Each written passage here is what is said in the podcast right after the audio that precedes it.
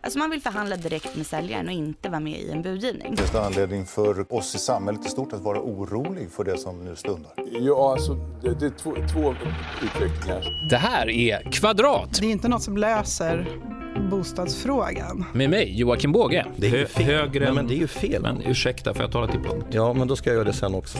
Och Petra Bergman. Det känns inte så härligt att höra ja men bostadssituationen blir bättre men jag har fortfarande inte bostad. En podd från EFN, Ekonomikanalen.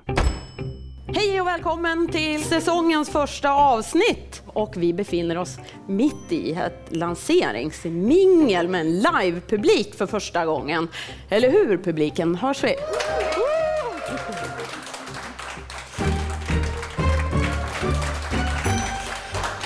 Det har ju vi här tillsammans med Storytel för att fira att eh, Bostadsskolan lanseras. Och det gör den den här veckan. Och just Storytel och Joakim Båge, författare och inte programledarkollega den här gången. Hur känns det? Ja, men det känns ju jättebra. Få stå här och slippa ha ansvaret av att ställa alla frågor, utan nu får du ställa dem. Jag bara står här och svarar. Bra. Och det ska jag säga till publiken också. Om ni har någon fråga så vifta till så får ni gärna ställa en fråga till denna eminenta panel som vi har med oss idag. Vi har Claudia Wörman, boendeekonom från SBAB. Välkommen. Tack så mycket. Kristina Nyman, chefsekonom på Handelsbanken. Mm, tack. Stefan Attefall, före detta bostadsminister, strategisk konsult, rådgivare idag. Välkommen! Mm, och så har vi Andrea Johansson, marknads och kommunikationschef på HSB. Välkomna! Ja, idag ska vi prata om problemet med eh, bostadsbristen, framförallt för unga. Hur, att det är så svårt för unga att komma in på bostadsmarknaden idag. Om man inte har föräldrar som har krattat manegen lite för en så kan det vara ganska klurigt att, att ta sig in. Ehm, Jag tänkte jag skulle börja med dig, Stefan Attefall. Hur har det kunnat bli så här klurigt? Ja, Håll det kort nu. Alltid varit svårt, men det är kanske extremt svårt nu. Därför att vi har haft eh, växande bostadsbrist, eh, många nya kommer till Sverige, inkomsten har stigit. Så att det har varit alla faktorer och så bostadsbyggandet har inte hängt med. Och nu sjunker också bostadsbyggandet mitt i en högkonjunktur. Så att, eh, det är ju, det är ju så flera saker som händer samtidigt som förvärrar problem som har funnits ganska länge. Mm. Och vi ska ju prata lite grann här nu idag om de olika initiativ som har skap- tagits och hur, man, vilka, hur vi kan lösa det här helt enkelt. Eh, En, ett initiativ som du var med och drog igång var ju de här attefallarna som nu i veckan har eh, som var 25 kvadrat, nu har det klubbats igenom att de får vara 30 Ja, kvadrat. vuxit, ja. Ja. Men också har de tappat namnet attefallare. Nej, då, det är bara att det, Va? Kallas det inte Bolundare nu? Efter, med, med åren så blir allting större, antingen på längden eller på bredden. Så att, I färdriktningen. Ja, så. Ja. Nej, då, det, är, det är bra. Jag, jag tycker det är ett bra beslut. Ingen bitter ton för namnbytet. Så. Nej. Det är inget namnbyte. Nej. Alltså, I lagstiftningen så heter komplementbostadshus. Just det. Begreppet attefallshus, eller vad man nu kallar det, det är alltså marknaden som har hittat på det. Ja. Det är, alltså, det är ett begrepp som media satt och så. Så det, det, det finns inget formellt namn i lagstiftningen. Det heter komplementbostadshus och friggeboden heter komplementhus. Komplementbostadshus. Hur ofta är du på middag där folk vill prata om det med dig? Eh, ganska ofta, men även om man då ska betala i parkeringsautomaten så går man fram. Nu har jag byggt ett, nu ska jag bygga ett, nu är jag på väg att göra ett. Så att, eh, det är jättekul, folk är glada. Det är, de som är missnöjda kommer inte fram och säger någonting. Nej, det är kul i alla fall. Ja, det, är- det är trevligt. Ja. Innan vi liksom drar igång så här så kan väl Kristina Nyman, då, chefsekonom på Handelsbanken, kan inte du bara dra lite eh, konjunkturläget just nu? Var, var befinner vi oss i för läge? Ja, men vi kommer ju från en väldigt stark konjunktur. Ja. Eh, Men vi har stått, eh, vi kan säga att globalt så har det varit ett eh, senaste året, eller ett och ett halvt åren, har varit väldigt präglat av den här geopolitiska oron med Brexit och handelskonflikter och sådär. Och det där har inneburit att just industrikonjunkturen har bromsat in ganska tydligt. Och det börjar ju påverka Sverige också allt mer. Och det som kanske skiljer Sverige lite grann faktiskt från andra länder är både att vi hade en inbromsning på bostadsmarknaden med bostadsbyggande som började 2017. Eh, och sen nu faktiskt att arbetslösheten sedan något år eller två tillbaka stiger i Sverige, vilket den inte faktiskt gör i andra länder. Eh, så att, så att just nu så ser det lite på marginalen svagare ut faktiskt i den svenska ekonomin. Men läget är fortfarande ganska okej. Mm. Vad vi ser framför oss är fortfarande en ganska svag utveckling men inte en kris. Och hur påverkar det här din syn på bostadsmarknaden för unga? Ja, men generellt kan man ju säga att eh, om man tittar på det som egentligen är viktigast för om man tittar på bostadsrätter. Nu eh, finns det inte så mycket hyresrätter för då måste du också ha stått i bostadskö så länge och det har inte unga gjort. Eh, vilket ju är ett problem då, att man inte kommer in. Men det som är kanske viktigast för unga är att inte priserna ökar så snabbt. Eh, Det, det är faktiskt den viktigaste komponenten. Det är viktigare än till exempel amorteringskravet och så vad gäller liksom kostnadsbilden. Så är det just att prisökningarna inte... Och de har ju varit lite mer dämpade sen vi fick det här prisfallet. Eh, Men sen är det såklart att det är framförallt i som Stockholm är det ju ett jättesvårt läge att komma in på bostadsmarknaden. Eh, och Det är också så att unga är ju mer känsliga för konjunkturen. När arbetslösheten börjar stiga så stiger den mer för unga än vad den gör för resten av befolkningen. Eh, Så att, så att eh, visst, eh, fortsatt lite besvärligt. Fortsatt tuff. Men låga räntor ju under ganska det- många år. Ja, jag tar ju upp det här i boken också att det här är ju inte heller bara ett Stockholmsproblem som man ser. Att Boverket tror jag säger att det är bostadsbrist eh, med deras definition i 240 av Sveriges kommuner. Det är tror jag, 83 procent av alla kommuner som finns. Eh, Så det är ju en allvarlig situation som drabbar många fler än bara de som bor i storstadsregionerna. Absolut, så är det ju. Sen är, sen är det svårare just i, i, stor, i, som i centrala Stockholm, får man väl säga. Eller Stockholm. Ja. Men det är precis så. Och det är så mycket mer människor här. Ja. André Johansson, du har, eller ni på HSB har tagit fram rapporten Stängda dörrar som, tillsammans med Progro- Prognoscentret. Där tittar ni och beskriver ganska exakt hur allvarligt problemet är egentligen. Kan inte du berätta lite grann? Ja, det här är egentligen del två i en rapportserie som vi började med för några år sedan. Då tittade vi på hur det såg ut för olika hushållstyper mellan 2005 till 2015 och tittade på hur det hade utvecklats för dem. Hur många av de här hushållen kunde få lån under den här tidsperioden. Och då kunde man se att ja, men då var det en handfull som föll ut då, i Sveriges 20 största städer nu när vi pratar om det är ett Stockholmsproblem eller hela landet. Vi tycker att det är en intressant eh, grupp att titta på, för det bor väldigt många människor i Sverige. Och nu gjorde vi den här nyligen. Då tittar vi på från 2015 till nu och då har det blivit tydlig försämring. Då är det drygt hälften för en hushållstyp. Vi tittar framförallt på ja, men de här, den här, det som man kanske pratar mer om idag, de som skiljer sig och har barn och bor kanske ganska bra först och sen så hittar de inte någon lösning som funkar för dem. De kanske behöver en två eller en trea, hur löser de det då? Och då kunde man se att det har blivit tydligt sämre för, för de här eh, för de här hushållstyperna i de här 20 städerna. Det är alltså de senaste tre åren. Då har priserna gått ner lite också. Men det man också kan se är att blankolånen ökar under den här perioden. Och det har ju varit en diskussion om ganska länge. Är blankolånen kopplade till bostäder eller är det någonting annat? Så här? Och det kanske man inte vet med exakthet, men när vi ställer upp de här antagandena som vi gör, då kan man se ändå att ja, det är fler som inte kan få tag på en bostad, alltså på fler håll i landet. Och de som kan få ihop kalkylen, de måste pussla ihop det med blankolån, vilket kanske inte är helt lyckat, och inte riktigt så det är tänkt egentligen. Är det så det är ju absolut större än ett Stockholmsproblem. Det är absolut ett, ett problem för mellanstora städer och universitetsstäder och det blir absolut sämre. Även fast inte amorteringskraven och bolånetak i sig är de stora förklaringarna, ut- utan priserna är, nat- är naturligtvis väldigt avgörande där, så är, det- går det åt fel håll. Claudia Wörman, märker ni av det här på SBAB? Ja, det här är ju, André belyser ju det som är ett stort problem för många grupper. Eh, och du nämner de som separerar, eh, de som ska flytta hemifrån för första gången.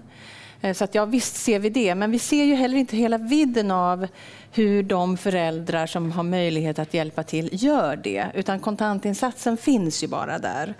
Så att jag tror att om man utifrån ett politiskt håll eh, vinnlade sig om att titta på den fantasirikedomen som ändå finns där ute. Hur man nu skulle gå tillväga vet jag inte riktigt.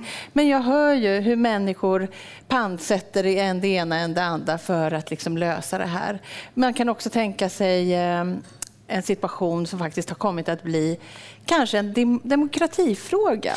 Där unga förvägras att bli vuxna. Vi som är härbärgerar de här vuxna barnen ska inte curla dem. Allting blir försenat.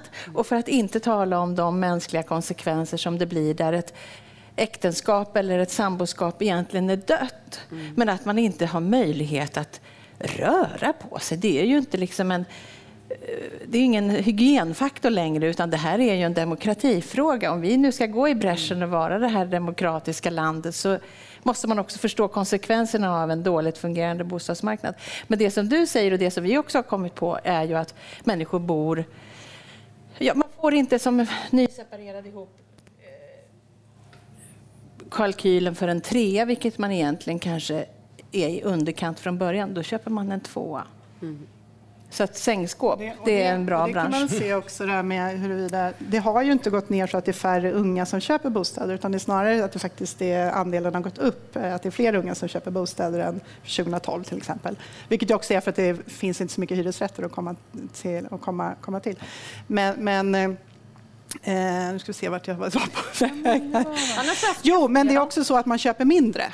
Det är så det. får bli. Du får ju köpa mindre och så får du köpa lite längre ut, liksom, eh, utanför man, städerna. Man kan få tag på, ja. Mm. ja, och det är för att du ska ha råd helt enkelt. Så i den meningen så skuldsätter du en aning mindre då än vad du mm. gjorde tidigare kanske.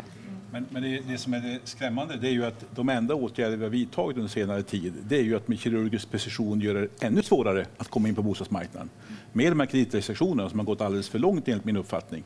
Därför att eh, ja, ska du, om du får ett jobb i Stockholms och vill bo i Stockholms innerstad, ja, då krävs det en månadslön på 40 000 för att du ska komma igenom bankernas lånekrav, och kreditrestriktioner, amorteringskrav och alla de här regelverken. Och dessutom ska du ha en slant på fickan. Så har du inte kontakter för hyresmarknaden och köpeng på hyresmarknaden och kapital, ja, då är du alltså utestängd. Va? Mm. Och, eh, om man nu är så rädd för hushållens skuldsättning så måste man för åtminstone göra som andra länder, hitta instrument för att hjälpa exempelvis unga att kunna komma in på bostadsmarknaden. Mm. Det finns ju startlånemodeller, bosparande, försäkringslösningar. Det finns en mängd olika instrument som andra länder jobbar med, mm. men som i Sverige vi, vi verkar inte, inte ha förstått någonting av. Mm. Får jag bara kommentera er också att det är liksom dags nu. Va? Eh, vi har ju pratat om det här väldigt länge och jag vet inte, jag inte, du kanske pratar om det i din bok, men jag menar, vi har ju vetat till exempel, alla har ju vetat att 90-talisterna är väldigt många och de måste ut på bostadsmarknaden och vi måste rädda liksom den generation som är nu. För jag menar, om det här sker i långbänk så är det ju kört för mina barns barn mm. också. Så det är nu kan inte du, har inte du kontakter där uppe fortfarande? Kan du bara säga, kör Kontakter har jag, problemet är att ingen lyssnar längre. Nej. Men vi, hade, vi hade ju Per eh, Bolund, bostadsministern, med när han var ny bostadsminister i Kvadrat med, med Petra och mig. Och du pressade honom lite där på, kommer vi se några stora förändringar? Kommer du vara en mer aktiv bostadsminister än vad vi har sett tidigare? Och det lovade ju han att vara. Men eh, sen har vi ju sett i pressen nu bara de senaste veckorna att det varit en uppsjö av debattartiklar och så där han då eh, kritiseras för att ha varit väldigt passiv istället. Mm. Jag, jag, tror så här att när han blev bostadsminister då var det ganska många, åtminstone i branschen, som Uh, uttryckte det som positivt att han var så nära finans, finansen. Finansmarknadsminister. Precis, att då tyckte man så här, att här är närmar pengarna, nu kan det hända någonting. Då finns det möjligheter. Det man inte då visste var att han också skulle bli språkrör för Miljöpartiet och då vara finansmarknadsminister. Så att, jag tror man får äta upp det där en del, att hans jobb verkar inte gå, i alla fall i dagsläget, till att så mycket bostadsreformer. Mm. Det är annat som är på agendan. Det är Men, min slutsats. Stefan, om jag lyssnar på dig då, är det eller politikerna och är det staten och Finansinspektionen som eh, ligger bakom problemet, tycker du? Eller ja, problem, är det deras fel? Alltså, min analys är väl att det finns, om vi ska vara uppriktiga, finns inget av regeringsalternativen, om det nu finns några regeringsalternativ i Sverige överhuvudtaget just nu, men, men det finns ju inget som egentligen har en genomtänkt bostadspolitik. Och, och, och, då, och, då, blir den här fragmentariska lösningen, januariöverenskommelsen försöker peta några saker som egentligen inte betyder någonting i det stora hela. Och, och sen så är man låst av Finansdepartementets rädsla för hushållens skuldsättning och Finansinspektionen och Riksbanken med skräckslagna för allt sånt här. Och sen så finns det ingen politisk helhetstänk. Hur ska vi lösa ut de här kn- knutarna? Och det är där vi saknar någonting. Och det är därför det behövs en slags... eh, Ja, bostadsfrågorna måste komma upp på den politiska dagordningen på allvar. Och eh, tyvärr gör de inte det. Och det, det är faktiskt väljarnas fel också. Därför att väljarna är faktiskt att de tycker att de är viktiga, men när de går till val så ställer man inte de här frågorna ordentligt. Oj. Och partierna flyr undan frågorna lite grann, för man har inte riktigt några vettiga svar att ge. Vad skulle politiken kunna komma med för åtgärder då? Vi gjorde en del förenklingar för att göra det enklare att bygga små lägenheter under min tid. Vi rensade regelverket så man kan krympa ytorna. Och jag tror att man kan bygga små lägenheter och ha mer gemensamma ytor och olika saker. Jag tror att hitta den kombinationen. Eh, vi underlättade andrahandsuthyrning också och skapade mer möjlighet att ta ut högre hyror. Det ökade utbudet, men det, är det hög efterfrågan så steg också hyrorna. Men det gjorde att det vart mer fungerande marknad. Och så tror jag att det finns en utredning som kom alldeles nyss också som tittade på regelverk totalt sett, alltså byggreglerna som föreslår ett antal lättnader som jag tycker låter bra för att just göra det billigare och kunna hitta smartare ytlösningar. För jag tror vi måste få mer av olika variationer på byggandet för att hitta alltså, rätt lägenhetstyp, rätt kostnad för rätt målgrupp. Och där har hyresrätten varit lite för mycket en grej för alla. Liksom. Man har en lösning. Det är bara ett, eller två eller tre rum, det är enda skillnaden. Men just nu tror jag att det är väldigt låst. Vi får liksom inte glömma att vi har ett januariavtal som, som eh, är krångligt nog för partierna. Att reda ut vad vi, vad vi egentligen lovade. Där. Nu sitter man och tvistar om vad man menar med marknadshyror i nyproduktion, vad det skulle vara istället. Om en utredning går jättemycket energi åt till det som egentligen skulle behöva gå åt det andra som du pratar om, Stefan Attefall, som jag håller helt med om. Så att det är inte ljust i det dagspolitiska läget när det gäller att, att man ska börja prata om det här helheten. Det kan man inte Det är en säga. viktig insikt. Alltså, politiken orkar med några Ja. saker åt gången. Va? Alltså, man ska inte tro att man kan göra allt va? Ja. Så, på fyra år. Det kan jag vittna om. Eh, men alltså, du, du, du kan fokusera på några saker. Du kan få någonting hända. Ja. Men problemet är att energin går till fel saker och går till begränsade saker. Och det är som ett rörigt parlamentariskt läge.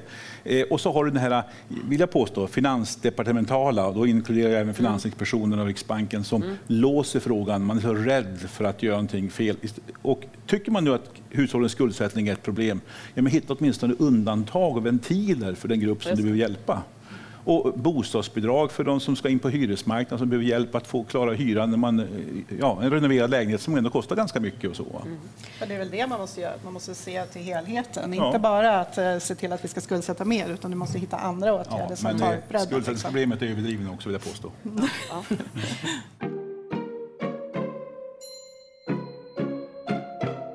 Kalkylräntan måste vi faktiskt adressera här. Eh, Claudia Wörman, bankerna idag räknar med en kalkylränta på 7% vissa kanske 8 procent. 6,5. 6,5. De har sänkt den från Ja. 7 till 6,5. Sju till sex och en halv. Ja. Nej, men jag är, det är en helt befogad fråga. Eh, men, eh, För den, det är ju inte någonting som Finansinspektionen sätter, eller hur? Kalkylräntan. nej, den är väl, vi kan väl hjälpas åt lite här om jag har förstått det rätt. Men det är ju liksom, jag menar, var, var den här siffran kommer ifrån, den är ju när Finansinspektionen stresstestar. Då använder de ett mått på mellan 7 och 8 procent. Ja, men, men sen är det ju upp till varje bank att göra sin Ja. egen kalkylränta. Och eh, det man kan fundera på där är ju att, jag, menar, jag tror att räntor kommer att vara fortsatt väldigt låga. Eh, Jag tror inte sen, Riksbanken kommer höja dem mer och jag tror räntorna kommer ligga ungefär på den här nivån någonstans. Där kanske går upp lite grann. Då är inte ens 6,5 procents kalkylränta realistiskt. Nej, och då kan man ju fundera på, inte som någon form av genomsnittsränta så man ska klara den en lång tid. Sen kan man ju tänka att den här eh, liksom, kalkylräntan ska vara någon stresstest då, som sagt, att det här ska man kunna klara under, men då tänker jag kanske att det är lite mer begränsat tid. Men vad man kan fundera på är ju dels om man ska ha, man skulle kunna tänka sig att man kanske hade en lägre kalkylränta, men då kanske du istället ska ha högre marginaler kvar att leva på. Så det är inte uppenbart hur den där eh, sammansättningen skulle se ut om du ser över helheten då. Men man kan nog tänka på att det är någon form av stresstest av något slag. Men mejlen har de ju inte tagit in att räntor verkar bli väldigt låga väldigt länge. Ja, men sen är det ju inte helt lätt heller. Jag gick faktiskt och frågade varför kan vi inte bara sänka räntan för de som vi ser har ett behov? För det skulle ju möjliggöra för fler att komma in. Men det kan vi ju inte, utan vi måste ju gå allihopa åt samma håll, då, alla banker samtidigt. Sen kanske någon kan börja, men vad som händer är att då får ju vi en helt annan rating och så blir det dyrare för oss. Om jag hade fått vara den här chefen en dag och släppt på alla separerade och de som annars har svårt, unga, då hade de ju kommit till mig och då hade jag ju fått ställa, för svara på frågan om varför, varför kommer alla till dig när de blir ratade Mm. i Handelsbanken med flera. Och då hade vi fått en annan rating och då hade det blivit dyrare för oss att låna upp och då hade det blivit också dyrare att låna ut. Så att det funkar inte att gå ensam. Bökigt, ja. bökigt, Men det är en bökigt. Ja. absolut... Och så får eh, det onda ögat av Finansinspektionen. Ja, Utan, att de, precis. utan att de säger att ni måste göra vissa så tittar de snett på er och funderar vad håller ni på med? Ja, exakt. Men vad Ja, beror an- den här, det har ju ändå skett en liten justering neråt. Det är flera som har gått ner till 6,5 nu. Det lilla tomtesteget, vad är det som har gjort att man har tagit det? Då? Är det någon förändring i, i de ekonomiska förutsättningarna med men låg räntepolitik? Men det har det varit jättelänge. Jo, men det, men det är också så att du ser, fast det har, man ska säga att vi har låga räntor länge, men det är trots allt så att det tar ett tag innan du kan tro att de ska vara det också. Men det här löser Det ska ju vara liksom fem, tio år framåt här för att du ska om plocka det. Handelsbanken nu sänker till 6,5 Ja, fråga inte mig. då sänker SBAB till 6 procent och så sänker vi 6 procent, sänker SBAB till 5,5 procent. Det är så det måste gå till, men utan att ni, ni eh, får sämre rating på internationella marknaden. Men någon måste gå före och dra de andra med och då måste man hänga på. Det Ska funkar du tyvärr så. ansöka om lån snart eller? Nej, men eh, jag eh, har ställt den här frågan också till folk så off the record och fått man- eh, förstå hur det ligger till. Om vi går vidare då, Jocke. Ja, nej men eh, jag vill komma in på det ändå, för det här eh, illustrerar ju på något sätt hur problematiskt de här olika frågorna är. Vi fastnar ju i en sån här lång diskussion om bara kalkylräntan. Och det var ju lite det, den orsaken till och en av orsakerna när vi liksom har gått igenom ett antal avsnitt eh, av Kvadrat till varför det behövdes en bostadsskola. För att de här problemen är så pass komplicerade att de kommer ju inte lösas enkelt. Det finns ett amerikanskt talesätt som jag citerar i, i boken, Housing is a bitch. För de är, I USA liksom, har de ju tampats med de här frågorna jättelänge och det var också där den senaste finanskrisen utlöstes eh, i, i då segmentet Och där vill vi ju absolut inte hamna igen.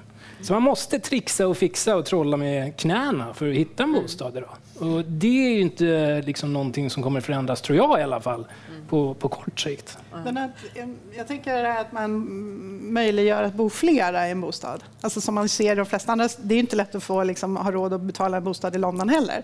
Eh, eller köpa en egen bostad. Eh, utan man kanske måste dela på olika sätt. Sen är inte det alltid så lätt att göra rent både en hyresrätt, att få det vara mera, flera mm, ja, som hyr eller stå för kontraktet. Eller, eller att dela på en, eh, en bostadsrätt. Eller sådär. Nu ler ju André här lite Ja, extra. För han har ju då lite ett nytt koncept här, Ja. HSB Dela och det finns Ja, ju många precis. olika eh, Ja, det, det, hyrköpsmodeller och... Ja, precis. Ja, Men det finns HSB Dela är en ny satsning från, och ett test från HSB som vi nu genomför i Göteborg i en bostadsrättsförening. Där. Då handlar det om att inte dela med någon annan som man bor med, men det handlar om att man delar en lägenhet med HSB när man köper den. Så ni Så- tar en del av kontantinsatsen. Ja, men om, jag, sku- om, om, jag, om jag skulle köpa... André flyttar in. André, det, det är istället för, om man inte har den där rika föräld- föräldern så får man HSB minus att vi kommer på söndagsmiddagen. Vi, vi, står, vi kommer bara med pengapåsen när man ska flytta in och sen så måste man eh, så bor man så, eh, man förfogar över hela lägenheten som vanligt. Så att man har besittningsrätt för hela. Så vi avsäger oss den delen som från HSB. Då. Och så, efter max 10 år då får man välja om man vill sälja tillbaka den till HSB eh, enligt marknadspris från oberoende bedömare. Avgöra det. Eller om man vill köpa ut HSB så att man bor kvar där själv. Så det är ett test, det här är helt nytt, det är inte gjort innan. Så det var lite frågetecken och sådär, men det var ju oerhört tryck på det här. Det gick ju direkt de här eh, 20 lägenheterna som det var i ett bostadsprojekt där i Göteborg.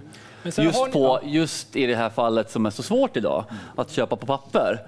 Att det liksom finns en ritning bara och inte byggt och då har vi ett jätteproblem, kanske vi kommer komma in på att att det idag så, visst försäljningen har kommit igång igen, vilket är bra både för unga och andra, men det är svårt att få igång nya projekt idag för att den affärsmodellen är liksom naggad i kanten av olika anledningar.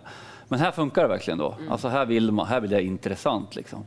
Det finns ju lite andra också. Vi har Riksbyggen hyrköp. Ja. Man hyr först och köper sen. Vi har BRF 2.0. Och... Men äntligen börjar det komma sånt skulle jag säga, för det har varit alldeles för få sådana satsningar och initiativ från branschen. Och det är fortfarande för få. Ni har ju någonting som heter eh, Living Lab också i Mm. Göteborg. Där ni Living. Lab, ja. ja. precis. Och det, det är ju lite det som Kristina är inne på också, mera med, med de här nya moderna eh, lyxkollektiven som de har kallats också i storstäderna. Alltså att man bor eh, fler personer på en mindre yta men man har tillgång till en stort antal tjänster via appar och så vidare så man kan effektivisera bort en hel del saker i det här eh, boendet. Har ni, har ni sett några resultat av Ja, de här men sakerna? det, det, är så mycket. Och vill jag ma- forska ju på det mesta som kommer till boende. Det är allt ifrån hållbarhet och sensorer och mäter över BT och så vilken vattenavgång det är och solcellsintegrerade fasader och gud vet allt. Men det det också är, det vi pratar om här nu, då, det är att man tittar på om man kan använda gemensamma ytor på ett nytt och bättre sätt.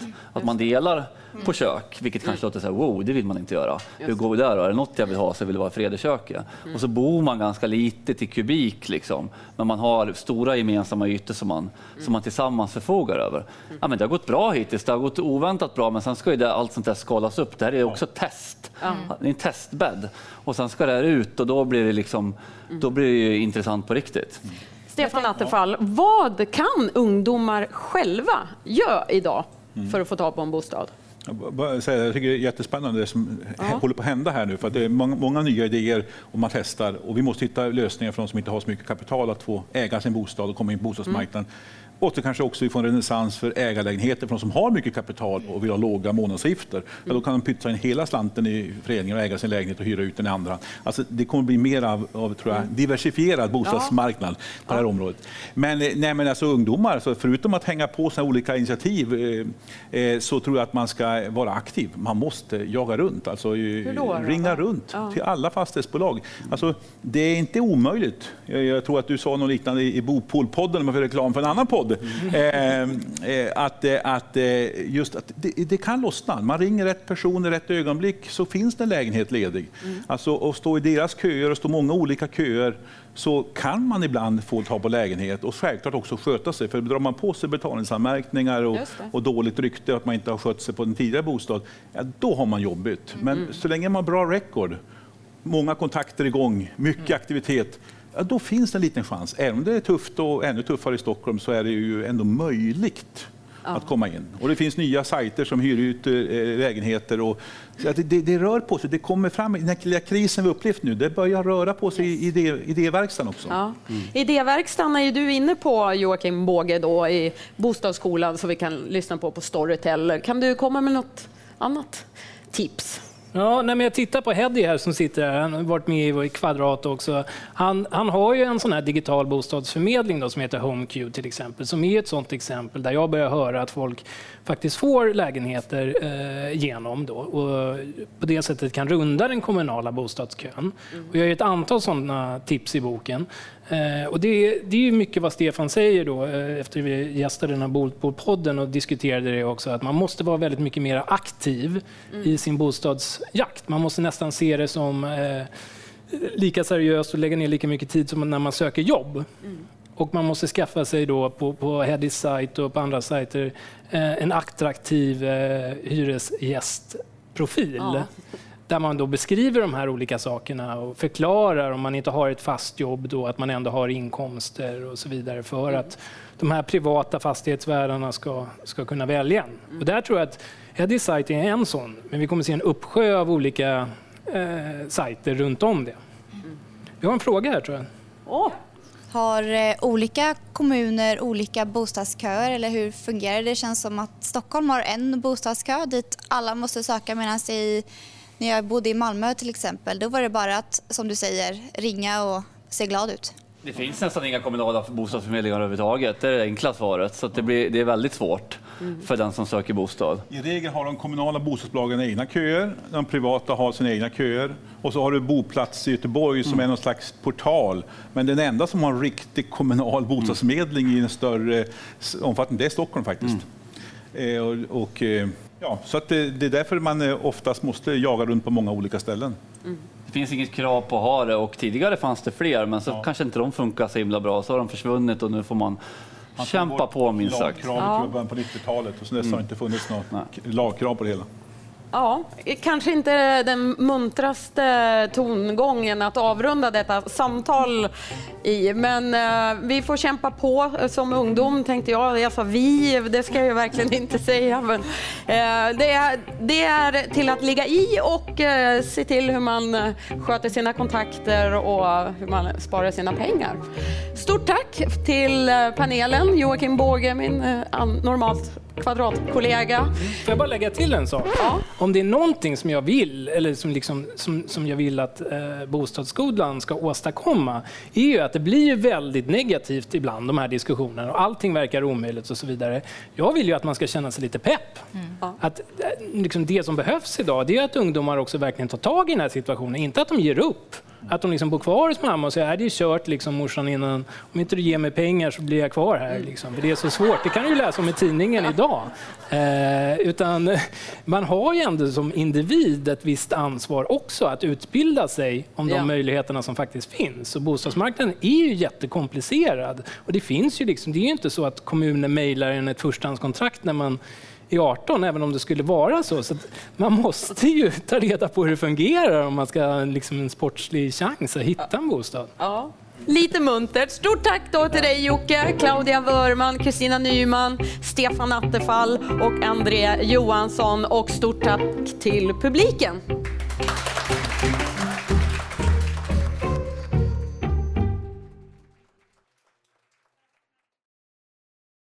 Den här podden görs av EFN Ekonomikanalen. Ansvarig utgivare är Anna Fagerström. Vill du lyssna på någon av våra andra poddar? Sök på EFN där poddar finns.